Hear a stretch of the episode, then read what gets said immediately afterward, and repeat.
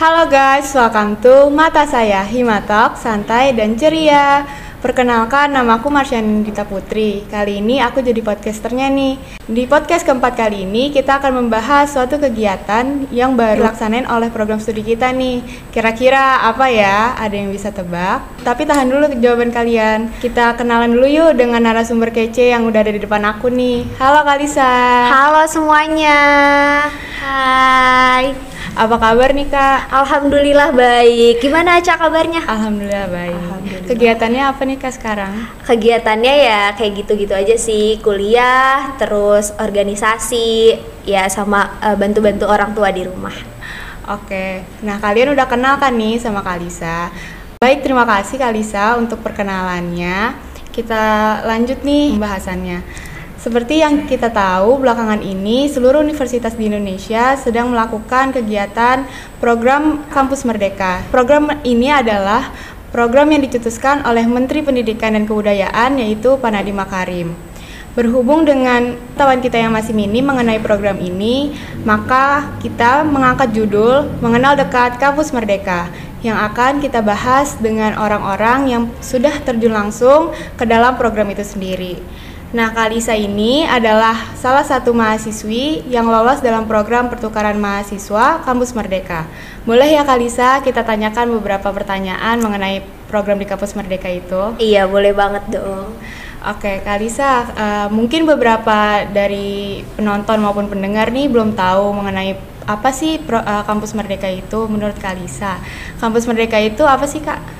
Oke, uh, jadi kampus merdeka itu adalah kebebasan kita untuk belajar gitu. Jadi uh, Pak Menteri ini, Pak Nadiem Makarim itu membuat suatu kebijakan untuk kita tuh bisa belajar di mana aja, nggak hanya di ke satu kampus gitu. Jadi kita tuh bebas merdeka untuk uh, belajar di universitas lain gitu. Alisa ini kan uh, terkhususnya itu uh, gabung dengan program pertukaran mahasiswa kampus Merdeka ya kak. Iya Pertukaran betul mahasiswa itu apa sih kak?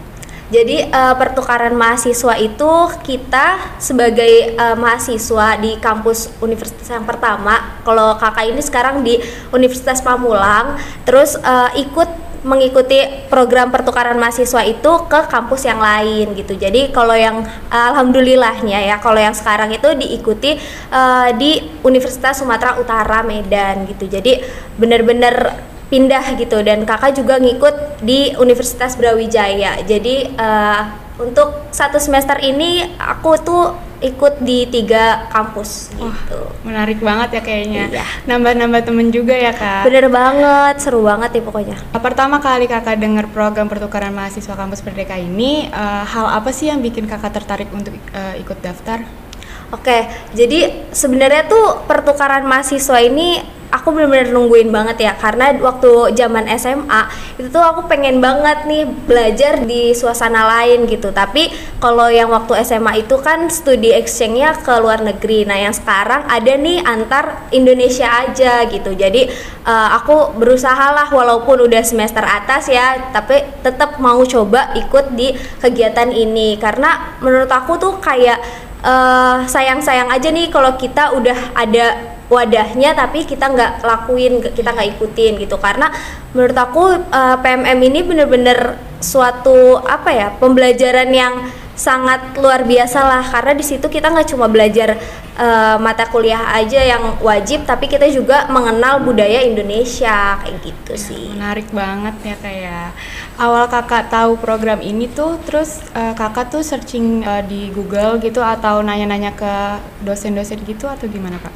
Oke, jadi awalnya itu kan aku udah ikut TOEFL. Nah, habis itu uh, dari grup TOEFL itu tiba-tiba dimasukin ke grup nih, dimasukin ke grup dan uh, dari dosen itu waktu itu dosennya Bu Sinta itu ngabarin kayak misalnya dari teman-teman yang ikut TOEFL ini ada yang mau ikut program dari uh, Merdeka Belajar Kampus Merdeka itu dipersilahkan untuk ikut gitu dan dikasih tahu juga posternya. Kemudian dari situ aku mulai kayak wah seru banget nih kayaknya aku nggak cuma belajar di satu kampus aja Iya. tapi bisa di beda-beda kampus kan gitu jadi aku mulai searching-searching awalnya ragu Iya. untuk ikut karena aku juga kan di uh, kampus juga sebagai anak organisasi gitu sebagai anak organisasi aku takutnya nggak bisa manage waktu Hmm. tapi ternyata aku berusaha dan aku punya tekad ikut untuk uh, mengikuti PMM itu sih.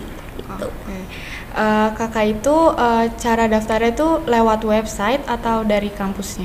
Dari Oh. kampus Universitas Pamulang. Jadi kalau daftarnya itu kita harus lewat website gitu. Jadi eh, si kampus Merdeka ini punya website sendiri dan kita itu harus eh, bikin akun dulu baru kita bisa daftar di kampus Merdekanya gitu. Berarti ga- lebih mudah diakses ya untuk Iya, eh, benar. cara daftarnya. Eh, setelah kakak tahu nih cara daftarnya, itu ada ketentuan khusus nggak sih kak dari eh, alur pendaftaran itu sendiri?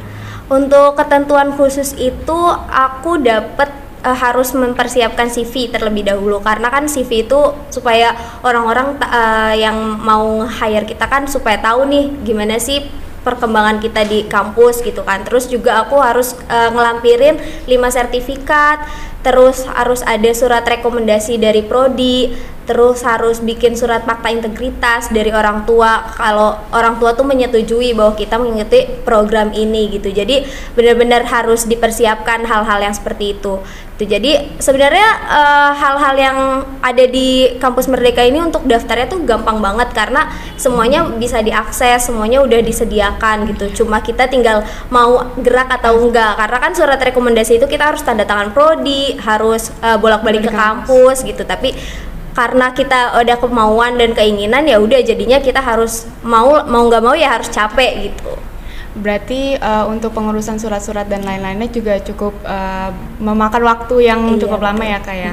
Waktu pertama kakak mengikuti program pertukaran mahasiswa ini, first impressionnya gimana sih kak? Eh, mungkin ngelihat teman-teman yang lain gitu. Oke, awal-awal sih aku kayak masih aneh gitu kan karena baru belajar di universitas lain tiba-tiba masuk terus kenalan sama eh, teman-teman baru lagi gitu.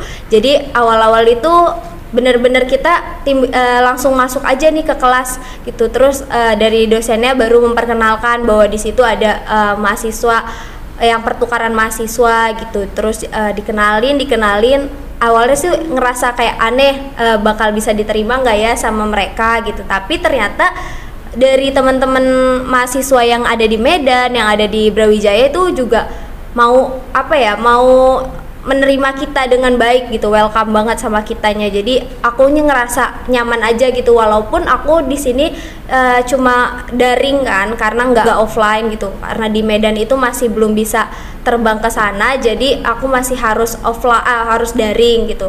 Jadi ya ya udah kita via teleconference aja zoom gitu Berarti ada eh, ada ada welcome dari sananya, Iya, betul. mahasiswa sananya. Jadi kakak juga dipermudah ya untuk dapat teman baru gitu-gitu. iya betul banget Uh, untuk perbedaan sistem pembelajaran dari Universitas Pamulangnya itu sendiri sama uh, universitas yang uh, kakak tempatin saat itu tuh uh, ada perbedaannya nggak sih kak?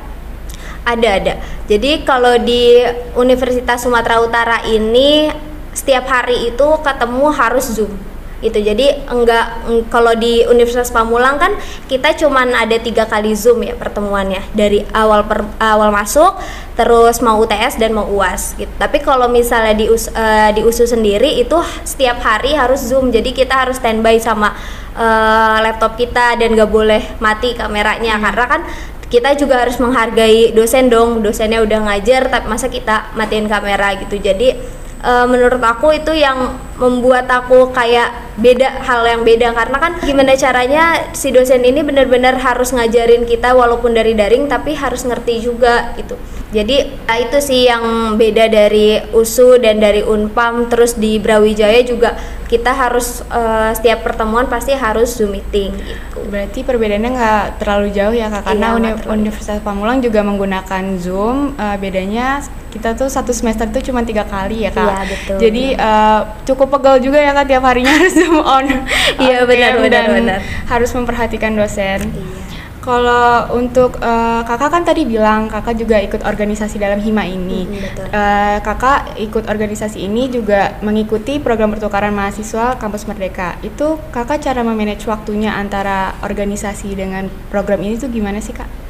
Oke, paling gini sih untuk uh, manage waktu itu ya kita dari dari malam tuh biasanya aku udah mikirin nih besok tuh ada kegiatan apa ya gitu. Terus aku catet uh, apa aja sih yang harus aku uh, ke sana aku harus aku bawa karena kan waktu aku jadi hima jadi apa pengurus hima itu kan aku harus bolak-balik kan karena banyak prokernya lumayan nih hima akuntansi prokernya banyak banget. Jadi aku kadang harus bolak-balik ke kampus gitu. Terus uh, di pertukaran mahasiswa juga harus on cam gitu kan. Jadi aku biasanya bawa buku terus bawa laptop atau biasanya kalau nggak di HP gitu. Jadi aku tetap ikut zoom gitu. Paling bagi-bagi waktunya ya harus sepinter-pinter kita sih. Kita harus uh, tahu mana prioritas kita gitu. Walaupun kita ada kesibukan di organisasi tapi kita juga harus uh, apa ya harus tahu prioritasnya tuh di utama kita kan karena ini kuliah gitu bukan hanya main-main tapi uh, organisasi kan itu cuma sampingan kita gitu untuk menambah skill. Tapi kalau misalnya kuliah itu memang harus diwajibkan gitu sih. Oh, berarti kakak bisa dibilang ke kampus sekali, uh, organisasi sekalian zoom ya iya, dengan uh, pertukar program pertukaran mahasiswa itu sendiri. Nah, uh, yang aku tahu nih kak, yang aku dengar katanya tuh uh, di dalam program kampus Merdeka ini ada biaya yang ditanggung nih kak. Iya betul. Tapi kakak nggak usah nyebutin nominalnya. uh, mungkin uh, biaya apa aja sih kak yang yang ditanggung dari program itu? Oke, uh, lumayan banyak sih alhamdulillah di program ini. Makanya untuk teman-teman mahasiswa yang masih hmm. semester-semester yeah. bawah, ayo ikut program Kampus Merdeka Merdeka Belajar karena banyak banget biaya yang ditanggung sama pemerintah gitu kan. Jangan sampai nggak dipakai nih uang pemerintah udah disiapin untuk kita tapi kita nggak pakai gitu kan. Uh, untuk biayanya itu ada uang saku, terus uang kuota karena aku daring sama UKT gitu. Berarti lumayan ya biaya iya. yang ditanggung. Uh, terus setelah kakak mengikuti program ini, uh, kakak merasa mendapatkan benefit apa aja sih kak?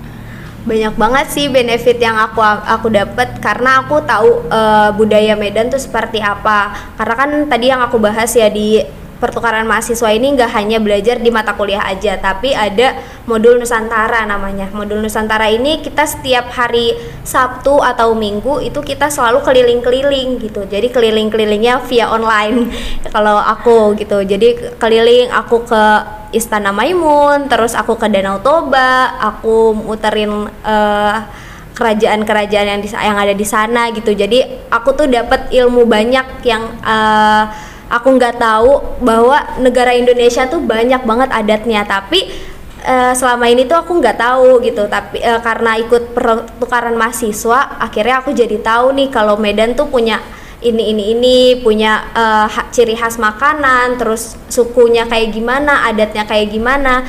Terus di sana tuh tingkat toleransinya sangat tinggi. Karena ada beberapa uh, wisata apa tempat wisata gitu yang diperbolehkan untuk dihadirkan nih sama uh, yang beda agama misalnya kayak buat ibadahnya ke kuil gitu ke orang-orang Buddha. Nah, itu kita boleh ke sana untuk uh, mengetahui apa aja sih yang ada di dalam kuil itu gitu. Jadi bener-bener uh, banyak benefitnya terus uh, selain itu juga aku jadi banyak sertifikat karena di di USU sendiri banyak banget kegiatan-kegiatan yang uh, mengadakan webinar-webinar gitu. Jadi aku benar-benar berterima kasih sama program Merdeka Belajar Kampus Merdeka ini karena uh, hal itu aku jadi banyak tahu tentang negara Indonesia. Wah pasti kalau offline lebih seru ya kak karena bisa iya, langsung jalan-jalan, langsung bisa berwisata langsung ke sana. Iya Kira-kira nih Kak, tadi aku lupa tanya. Uh, pembukaan pendaftaran program kampus uh, Merdeka ini kira-kira bulan apa sih Kak?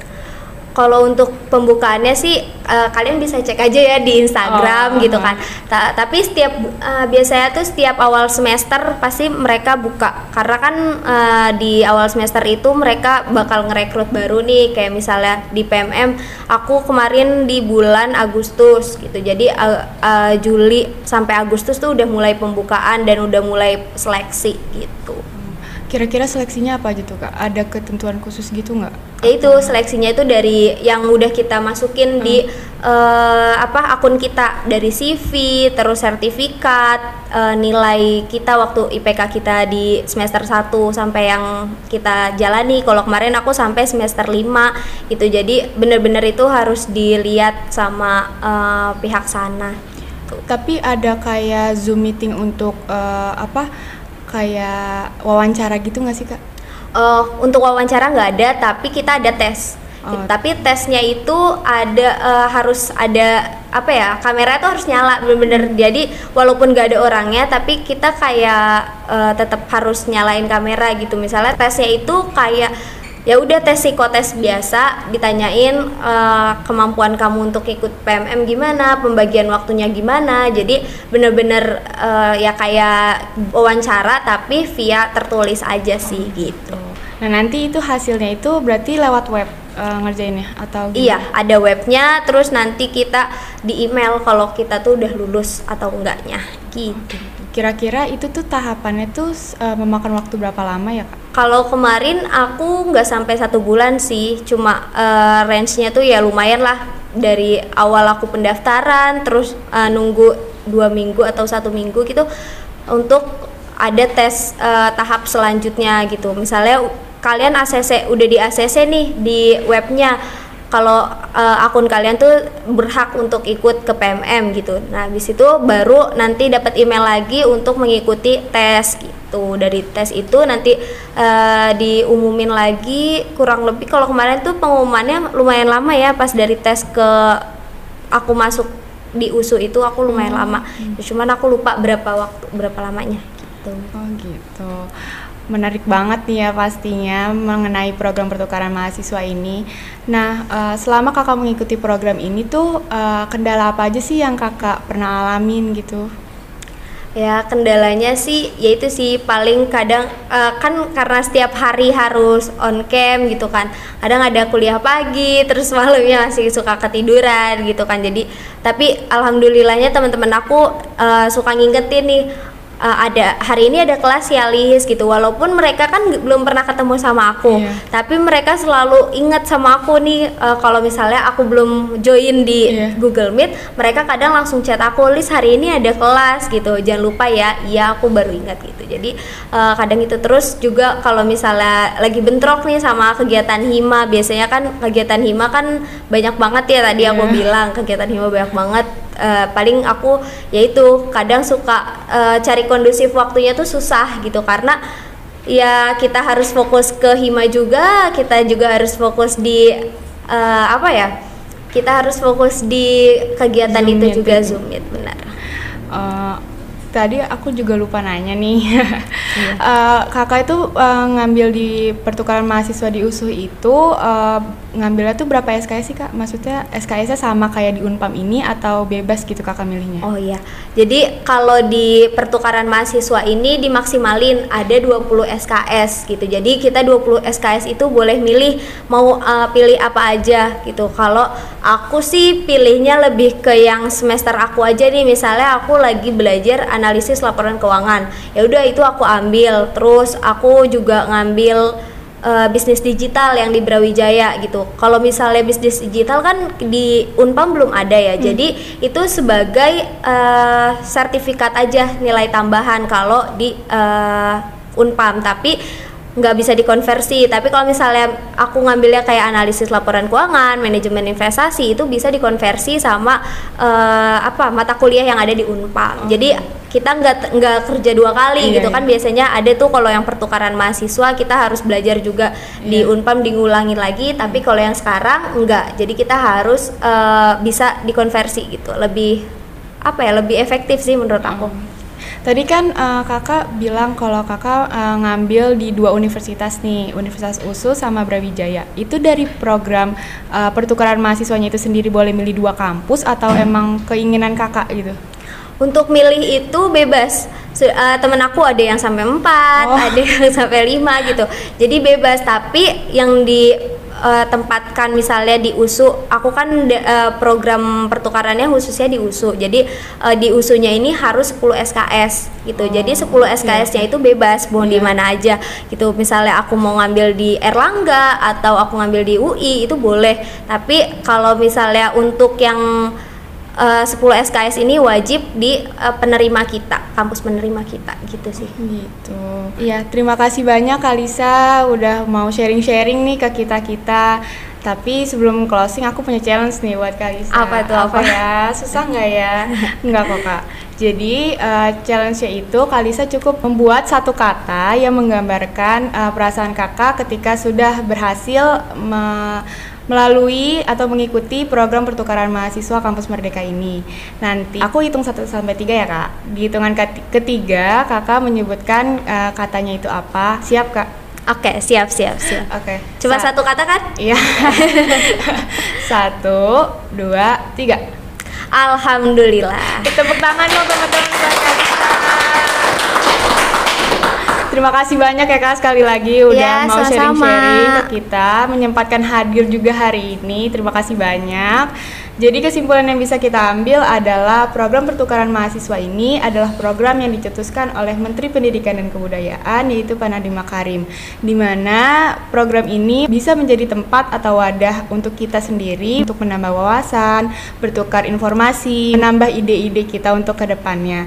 Dan masih banyak lagi benefit-benefit lainnya yang bisa kita dapatkan dari program ini. Tapi tunggu dulu, kita masih ada part 2-nya loh dengan narasumber yang gak kalah asik sama Kalisa barusan. Stay tune ya, Hima Aksi luar biasa. Dadah!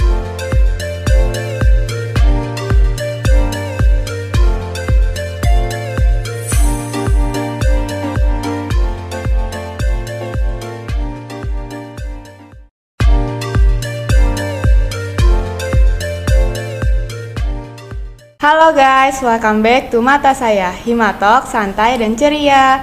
Ini adalah part kedua dari podcast Mengenal Dekat Kampus Merdeka. Gimana nih teman-teman, udah nonton part pertamanya belum? Kalau belum, pastikan kalian sudah menonton dan mendengar part pertamanya ya, supaya kalian lebih mengenal mengenai Kampus Merdeka itu sendiri. Jadi, di part ini kita akan kenalan nih dengan program lainnya dari Kampus Merdeka. Pastinya dengan narasumber yang berbeda juga dong. Yuk kenalan dengan narasumber kece satu ini yang udah ada di depan aku. Halo Kak Anggi. Halo. Silakan Kak memperkenalkan diri supaya penonton maupun pendengar tahu nih siapa sih Kak Anggi ini. Uh, halo semua, nama aku uh, Anggi. Biasa dipanggil Kak Anggi tadi ya. Kayak aku dari program kampus mengajar. Apa kabarnya nih Kak? Alhamdulillah baik. Kamu gimana? Alhamdulillah baik juga. Kegiatannya apa nih Kak sekarang? Yang lagi dikerjain gitu? Kalau sekarang ini mungkin fokus ngajar sama kuliah, tapi kan oh. udah selesai UAS ya. Iya. Jadi mungkin sekarang lagi bimbingan skripsi aja sih. Oh gitu. Berarti ini masih proses dalam program kampus mengajar ya kak ya? Hmm. Oke, baik terima kasih Kak Anggi untuk perkenalannya. Melanjutkan part sebelumnya, kita sudah mulai kebayang nih mengenai kampus Merdeka, di mana program ini bertujuan untuk mengasah kemampuan kita sesuai dengan bakat dan minat yang kita punya, dengan terjun langsung ke dunia kerja untuk pembekalan kita di masa yang akan datang. Kali ini kita akan membahas program Kampus Merdeka, lebih tepatnya program Kampus Mengajar. Di depan aku ini adalah Kak Anggi, salah satu mahasiswi yang lolos dalam program Kampus Mengajar di dalam program Kampus Merdeka. Boleh ya Kak Anggi kita tanyakan beberapa pertanyaan mengenai kampus Merdeka itu sendiri? Boleh dong. Mungkin uh, gini Kak Anggi dari teman-teman yang nonton maupun yang dengar nih belum tahu termasuk termasuk aku sih belum mengerti banget apa sih kampus Merdeka itu menurut Kak Anggi tuh kampus Merdeka itu seperti apa? Uh, kampus Merdeka itu sebenarnya program dari Kementerian Pendidikan dan Kebudayaan Riset Teknologi untuk membuat mahasiswa-mahasiswa uh, lebih bebas lagi mengeksplorasi diri, menunjukkan bakatnya, kemampuannya, apa pun itu yang uh, mungkin nggak bisa disupport di program-program kampus mereka sendiri. Oh gitu, menarik banget ya kak hmm. pastinya. Kakak ini kan uh, masuk ke programnya itu kampus mengajar ya kak ya. Hmm. Nah kampus mengajar sendiri itu apa sih kak atau gimana gitu kampus mengajar? Nah balik lagi ke kampus Merdeka itu sendiri tadi ya kampus mengajar itu salah satu program yang ada di kampus mereka. Jadi eh, mahasiswa mahasiswa di mana pun diharapkan bisa membantu pemerintah untuk memajukan literasi dan numerasi anak bangsa. Tuh, Jadi mungkin yang sekolah-sekolahnya terpencil Iya. itu tujuan utamanya gitu. Oh berarti lebih terfokuskan untuk sekolah-sekolah yang di Hmm, daerah ya kayak betul. untuk meningkatkan literasi anak-anaknya. Nah eh, waktu pertama kali kakak eh, mendengar mengenai program kampus eh, mengajar ini, eh, hal apa sih yang bikin kakak tertarik untuk daftar gitu kayak tertarik nih mau daftar tuh karena apa? Apa karena kakak suka ngajar atau mau jadi guru gitu misalnya? Eh, awalnya itu kan saya ikut di kampus mengajar angkatan 2 Nah, angkatan pertama itu saya nggak lolos. Oh ya nggak iya. lolos terus ikut yang kedua alasan yang pertama itu eh, kepengen apa ya bosan sih sebenarnya. Bosan banget kan kuliah Iya. online terus kayak di rumah aja gitu. Jadi coba deh ngajar ngajar yang bener-bener ngajar gitu. Akhirnya ya udah keterimanya yang di angkatan 2 terus dapatnya yang di tingkat SD Oh gitu. Berarti kakak ini pengen ya bosan aja. Oh bosan pengen nyari mungkin mau cari suasana lain juga kali ya dari uh, kuliah online ini. Nah uh, waktu kakak tahu tentang program ini tuh uh, kakak tuh langsung cek di website cara daftarnya atau kakak tanya ke dosen atau tanya anak-anak kampus dulu gitu kak? Eh, awalnya itu kalau yang angkatan pertama itu dari teman.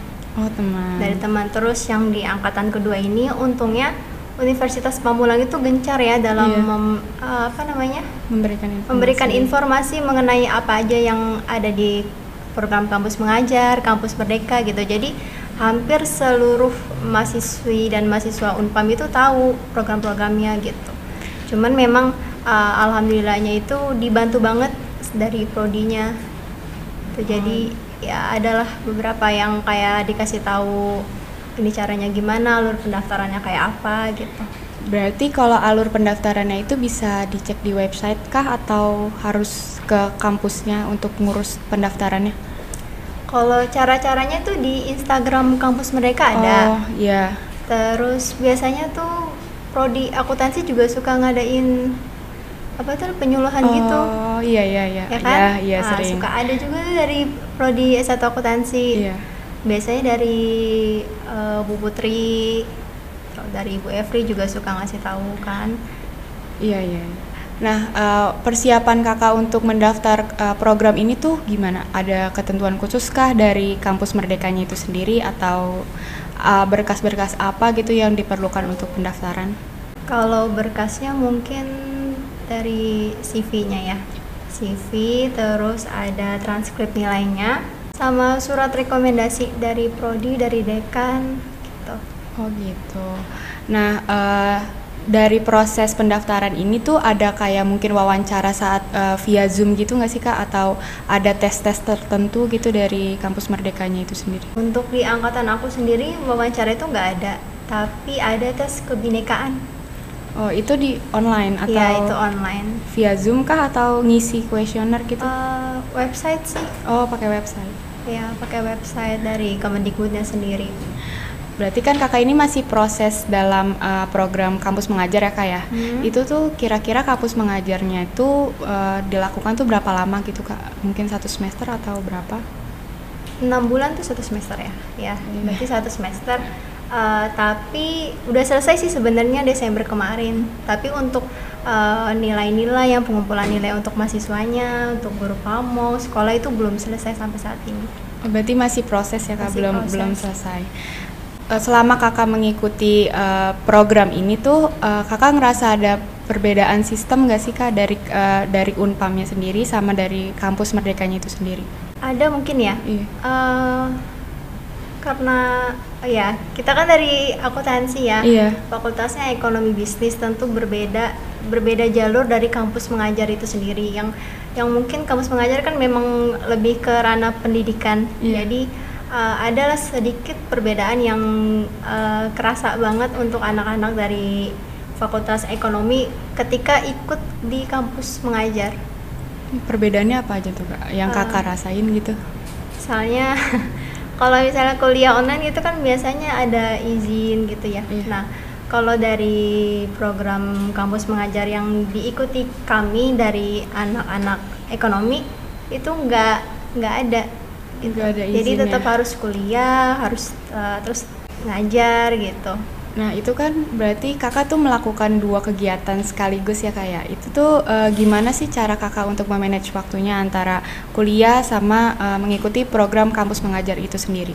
Eh, sebenarnya kalau untuk memanage waktu tuh emang agak-agak susah ya butuh trik khusus lah Iya. ya eh, maksudnya untungnya di Unpam kan masih online ya untuk semester aku semester atas tuh 7 alhamdulillah masih online jadi eh, siangnya pagi siang itu kami ngajar jadi eh, di di lain waktu kayak malam itu kami usahakan untuk bisa ikut e-learning Oh gitu, berarti harus pinter-pinter membagi waktu juga ya kak. Hmm. Terus itu juga menjadi challenge untuk diri kakak membagi waktunya. Nah eh, dari kampus mengajar itu sendiri tuh eh, tujuannya tuh apa sih kak? Tujuan dari kampus mengajar itu sebenarnya utama cuma tiga sih Eh, meningkatkan literasi, meningkatkan numerasi, dan yang terakhir itu membantu administrasi dan teknologi sekolah. Membantu administrasi itu gimana tuh kak maksudnya? Eh, administrasi ini sebenarnya cakupannya luas ya. Ada yang administrasi dalam hal keuangan, ada yang berkas-berkas sekolah gitu. Karena ada beberapa sekolah yang mereka belum bisa mengatur pengelolaan keuangannya gitu.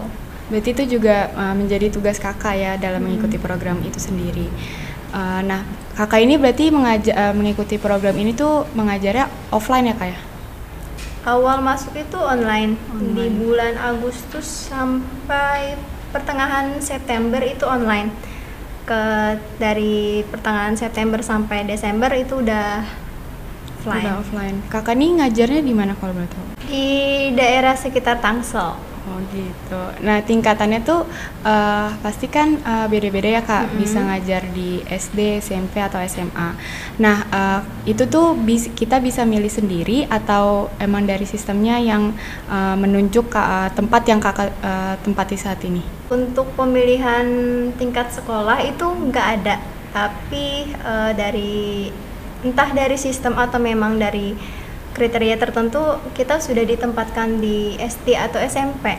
Oh gitu. Ya. Berarti emang udah Uh, ada yang mengatur itu ya. semua. Uh, pada saat kakak terjun langsung untuk mengajar di tempat yang kakak ajar itu ada yang mendampingi nggak kak dari program kampus merdeka itu sendiri? Mungkin dari dosen atau Ada di kampus mengajar itu ada namanya DPL, dosen Apa pembimbing lapangan. Nah, Hmm.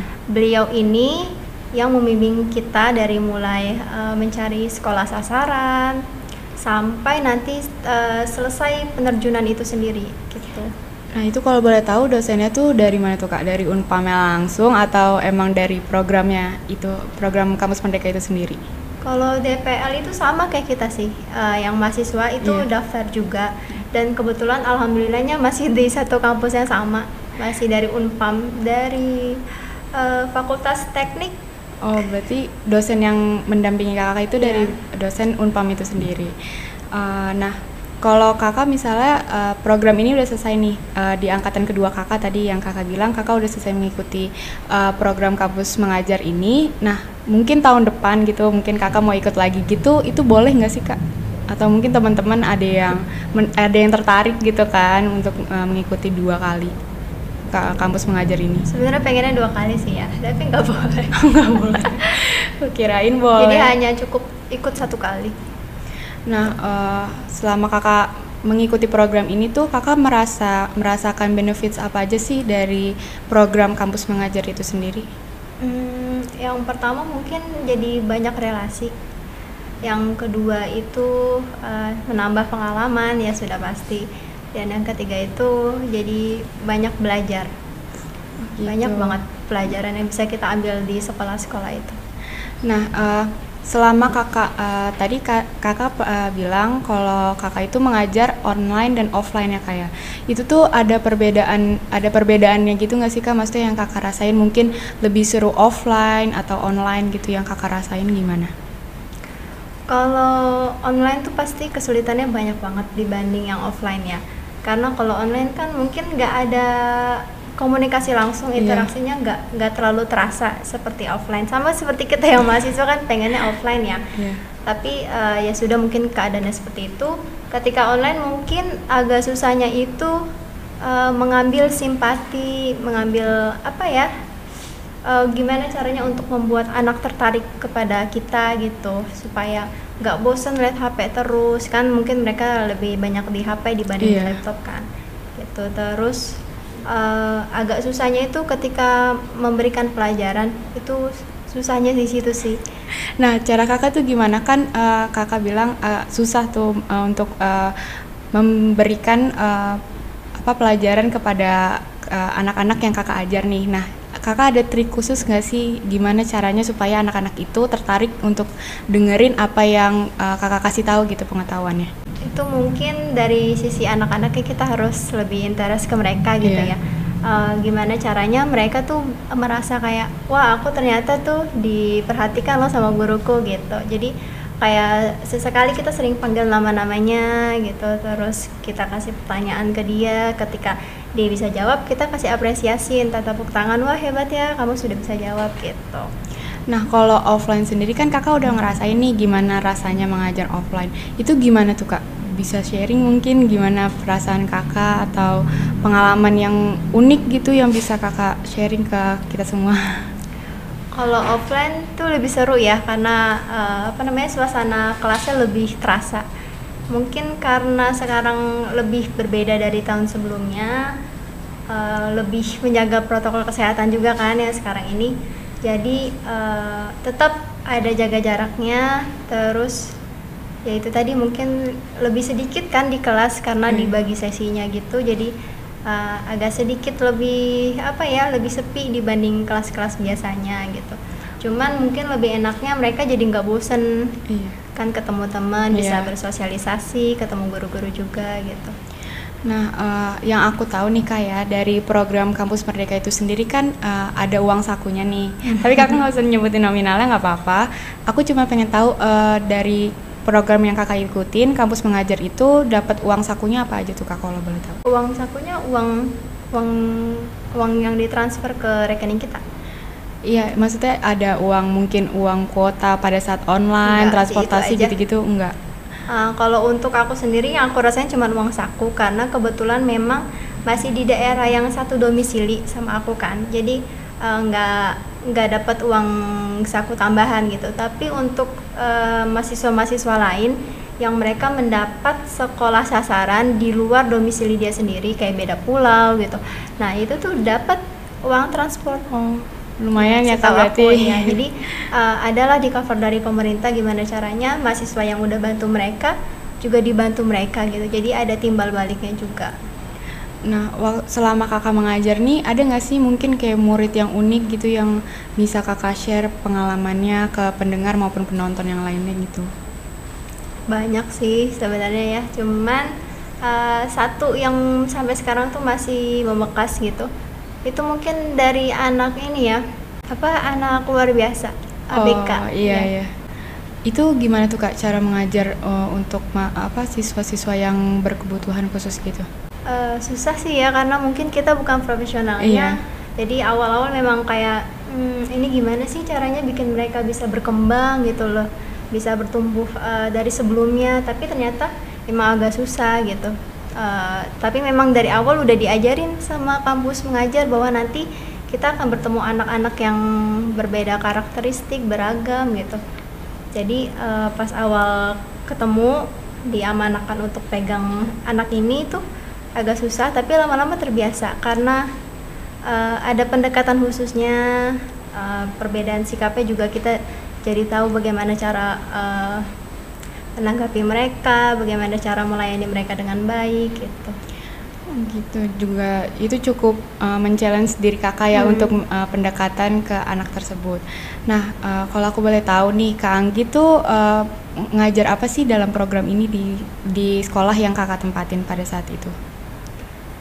Eh, untuk pertama kali masuk itu eh, saya diberikan apa ya eh, pelajaran bahasa Inggris awal-awal bahasa Inggris di level level tuh maksudnya kelas ya? Iya. di kelas 1 itu bahasa Inggris terus uh, pernah juga pegang bahasa Arab terus pas mulai Oktober ke Desember itu dari kelas 3 naik lagi ke kelas 3 itu ngajar di matematika Berarti tiap kelasnya itu uh, beda ini ya kan maksudnya beda beda mata pelajarannya gitu mm -hmm. yang yang dipelajarin.